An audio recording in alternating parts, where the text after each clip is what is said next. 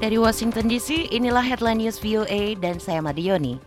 Presiden biasanya mengucapkan beberapa patah kata sebelum menandatangani RUU menjadi undang-undang. Tetapi Joe Biden selasa membalikkannya ketika tiba saatnya membubuhkan tanda tangannya pada undang-undang anti-lynching Emmett Till. Ia menandatangani RUU itu di Rose Garden Gedung Putih baru kemudian berbicara. Baiklah menjadi undang-undang, kata Presiden yang dikelilingi Wakil Presiden Kamala Harris, anggota Kongres dan pejabat tinggi Departemen Kehakiman. Ia juga didampingi oleh keturunan Ida B. Wells, seorang jurnalis kulit hitam yang melaporkan hukuman mati tanpa pengadilan, biasanya dengan menggantung korban, serta pendeta Wheeler Parker, sepupu Till. I just signed into law the Emmett Till Anti-Lynching Act. Making lynching a federal hate crime for the first time in American history. Emmett Till Anti-Lynching Act diberi nama sesuai nama remaja kulit hitam yang dibunuh di Mississippi pada musim panas tahun 1955 yang menjadi cambuk di era hak-hak sipil. Ibunya yang berduka meminta peti mati terbuka untuk menunjukkan kepada semua orang bagaimana putranya telah disiksa. Warga di seluruh Jepang merayakan puncak musim bunga sakura satu minggu setelah pembatasan COVID-19 dicabut yang memicu kekhawatiran akan kemungkinan perbakan kembali virus. Pepohonan bermekaran penuh minggu ini di banyak tempat di Jepang. Puncak mekar bunga sakura di Tokyo yang terjadi minggu, menurut Badan Meteorologi Jepang menarik banyak orang yang sebelumnya selama dua tahun menghindari berpartisipasi dalam tradisi nasional itu karena pandemi. Di Taman Chidoriga Fuji, Hanami atau tempat melihat bunga sakura yang terkenal di sebelah barat laut Istana Kekaisaran, ribuan orang melihat bunga merah muda pucat yang lembut sambil berjalan-jalan di bawah deretan pohon atau dari perahu dayung di parit istana. Saya merasa hidup akhirnya kembali normal. Di sini di pusat kota orang-orang sudah menunggu begitu lama, kata Takanori Siwaku, seorang pemilik kafe berusia 62 tahun sambil mengagumi bunga-bunga di taman itu. Ia mengatakan bunga sakura yang mekar dan kemudian jatuh secara massal dikaitkan dengan kemurnian.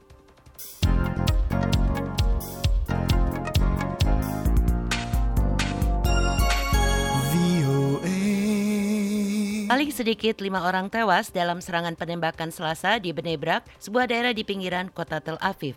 Ini merupakan serangan mematikan ketiga dalam hari-hari terakhir ini. Dua hari yang lalu, dua petugas polisi ditembak hingga tewas di Hadera. Seminggu sebelumnya, empat ditusuk hingga tewas di Birseba. ISIS mengklaim bertanggung jawab atas kedua serangan itu. Serangan terbaru ini terjadi di dua tempat, kata polisi, dan dilakukan oleh orang bersenjata yang mengendarai sepeda motor. Media Israel melaporkan seorang bersenjata menembak ke arah balkon-balkon di sebuah daerah ultra-ortodoks Yahudi dan kemudian mengarahkan tembakan ke pejalan kaki. Demikian dilaporkan kantor berita Reuters.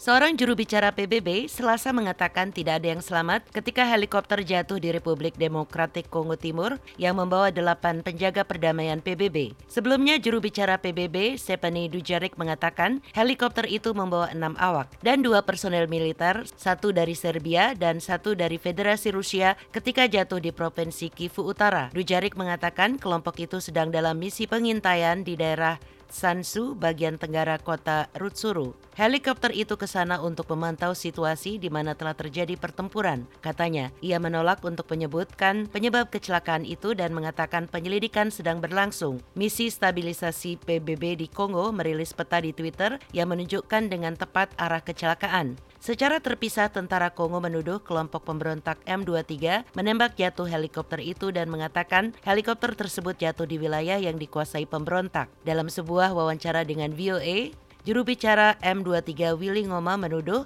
tentara menembak jatuh pesawat sambil menembaki pasukan M23.